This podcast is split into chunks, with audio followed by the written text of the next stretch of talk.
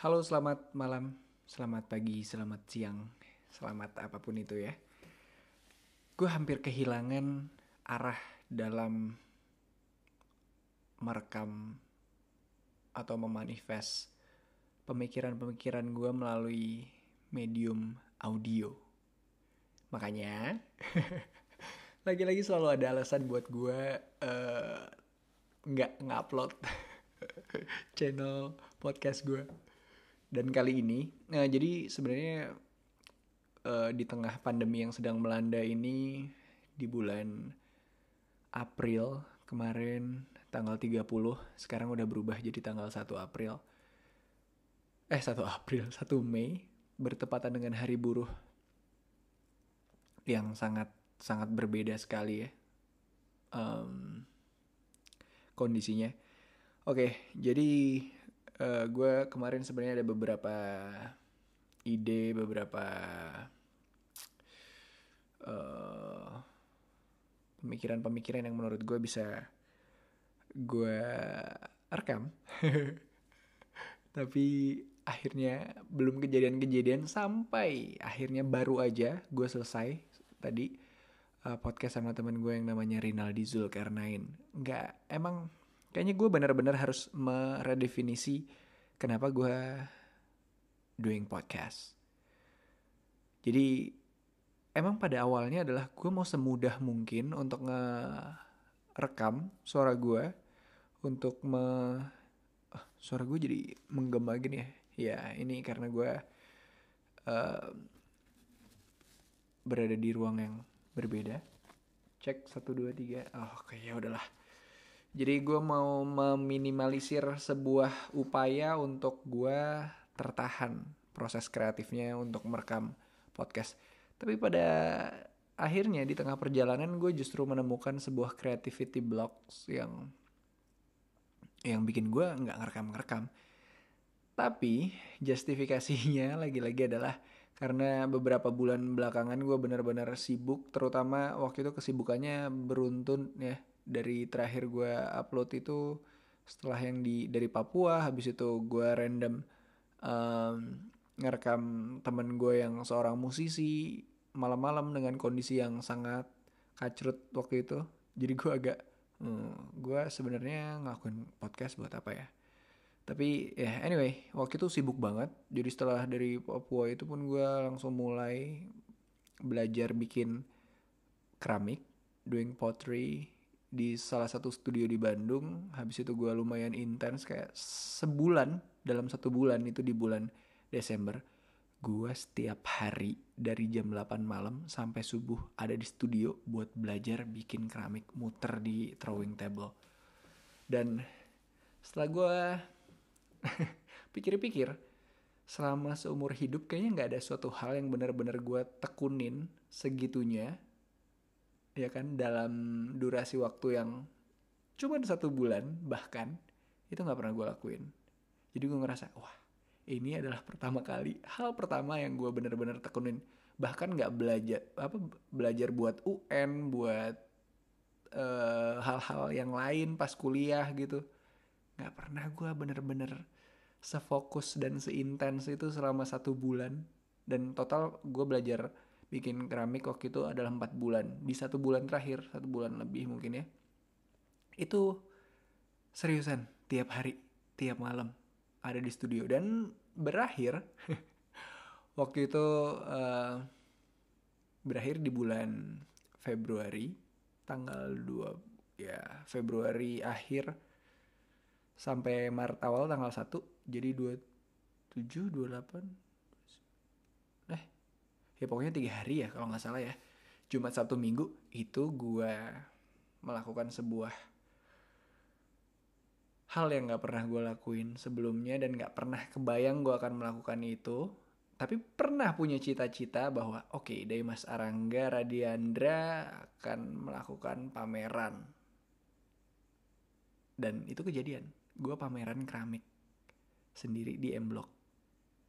Waduh asalnya memang nggak sendiri sama teman-teman. Cuman karena mungkin jadwalnya nggak cocok habis itu ada pemahaman-pemahaman dan sudut pandang yang akhirnya ya udah um, gue pameran sendiri selama tiga hari capek banget. Alhamdulillah dibantuin sama teman-teman untuk persiapan. Tapi tetap maksudnya pamerannya beneran sendiri uh, dari hari Jumat Sabtu Minggu ngeprint ngeprint paginya terus uh, eh, subuh subuh gitu. Jam 10 udah langsung berangkat ke sana uh, dan pamerannya bukan hanya pameran karya gitu tapi juga workshop semi workshop gitu. Jadi orang-orang yang mau belajar bikin potter jadi bikin keramik gitu ada meja putarnya yang gue bawa portable. Dan itu luar biasa banget tiga hari uh, ngajarin berpuluh-puluh orang.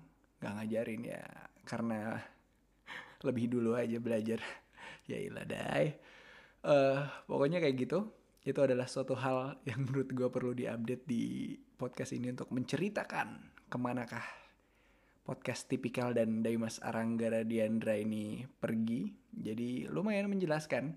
Habis itu setelah pameran, uh, jadi yang waktu gue ke Papua uh, di Kaimana di Pulau Naman Tota waktu itu ketemu di Sangnus Worat, ketemu sama seseorang yang akhirnya uh, membuka cabang sebuah uh, perjalanan hidup yang baru. Jadi sekarang gue official bekerja kembali pada salah satu startup uh, social enterprise namanya Sebumi. Oke, gue udah sebut brand jadi gue membawa brand itu nih agak beban. Tapi enggak. Jadi gue sebenarnya juga agak-agak berat gitu ya untuk aduh beneran gak ya gue bekerja kembali gue kayaknya udah cukup yang sekarang tapi ternyata ada panggilan-panggilan yang lain kayak tadi gue baru aja selesai bikin webinar dengan hmm, tema konservasi kini dan kita nanti catchy banget ya uh, judulnya tapi well banyak hal baru dan buat gue pribadi sangat mengejutkan. Banyak banget proses-proses yang menurut gue ini adalah memang secara alamiah menuntun gue ke arah yang memang gue bisa ngelihat titik itu sekarang. Cuman gue nggak bisa bilang gue ada di situ dan gue sedang berjalan ke arah sana. Oke, okay, jadi apa yang mau gue sampaikan adalah gimana ya? Jangan pernah cukup jangan pernah merasa cukup secara mat imaterial terhadap diri sendiri. Explore se-explore explorenya. Cari terus, belajar terus, kerjain terus, buka setiap peluang. Dan gue rasain dalam kondisi pandemi ini di saat ya kan orang-orang yang dengan investasi berupa saham, reksadana dan segala macam bentuk material itu nilainya benar-benar anjlok, tergerus dan pups, udah hilang gitu aja.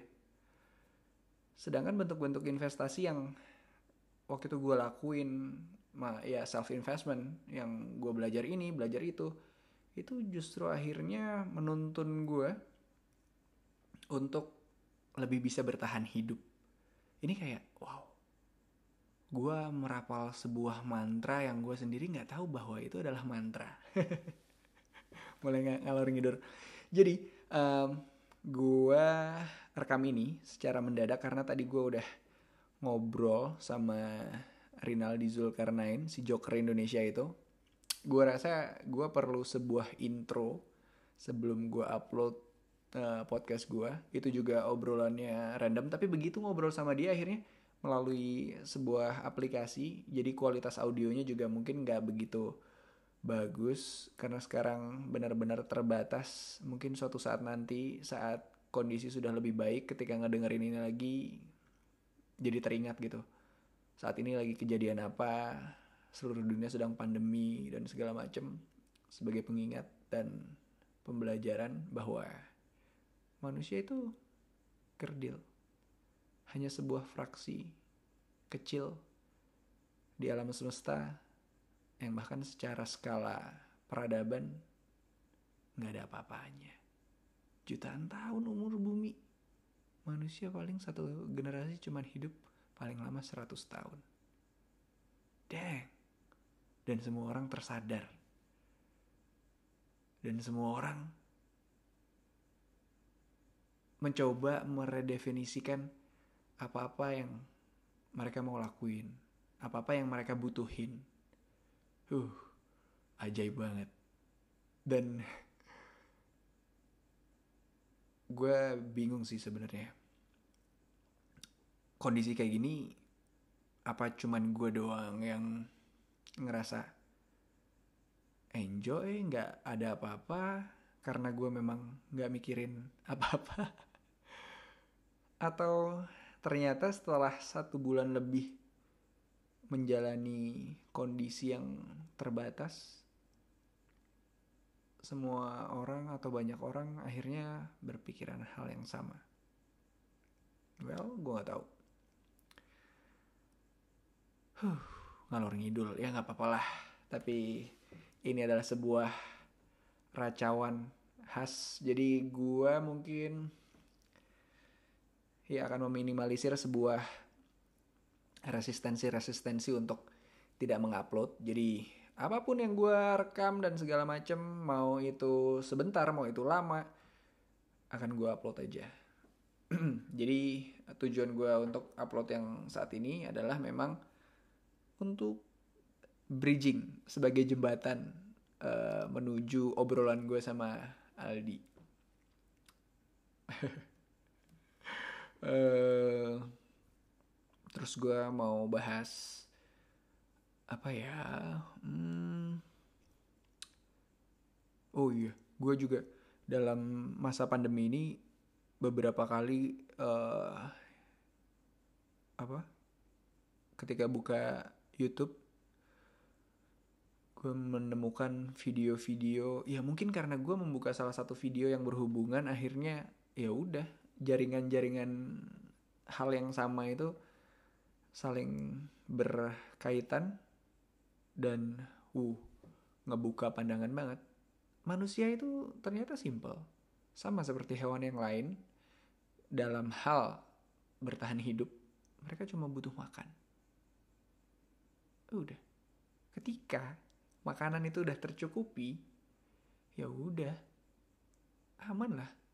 Terus balik lagi nih gara-gara pandemi orang-orang banyak yang mulai mengamankan stok makanannya. Kalau gue pribadi memang gue akhirnya oh oke okay, gue harus menanam segala macam karena memang berpikiran bahwa oke okay, satu-satu hal satu-satunya hal yang bisa gue upayakan untuk membuat diri gue self sustain adalah menyediakan bahan makanan gue sendiri.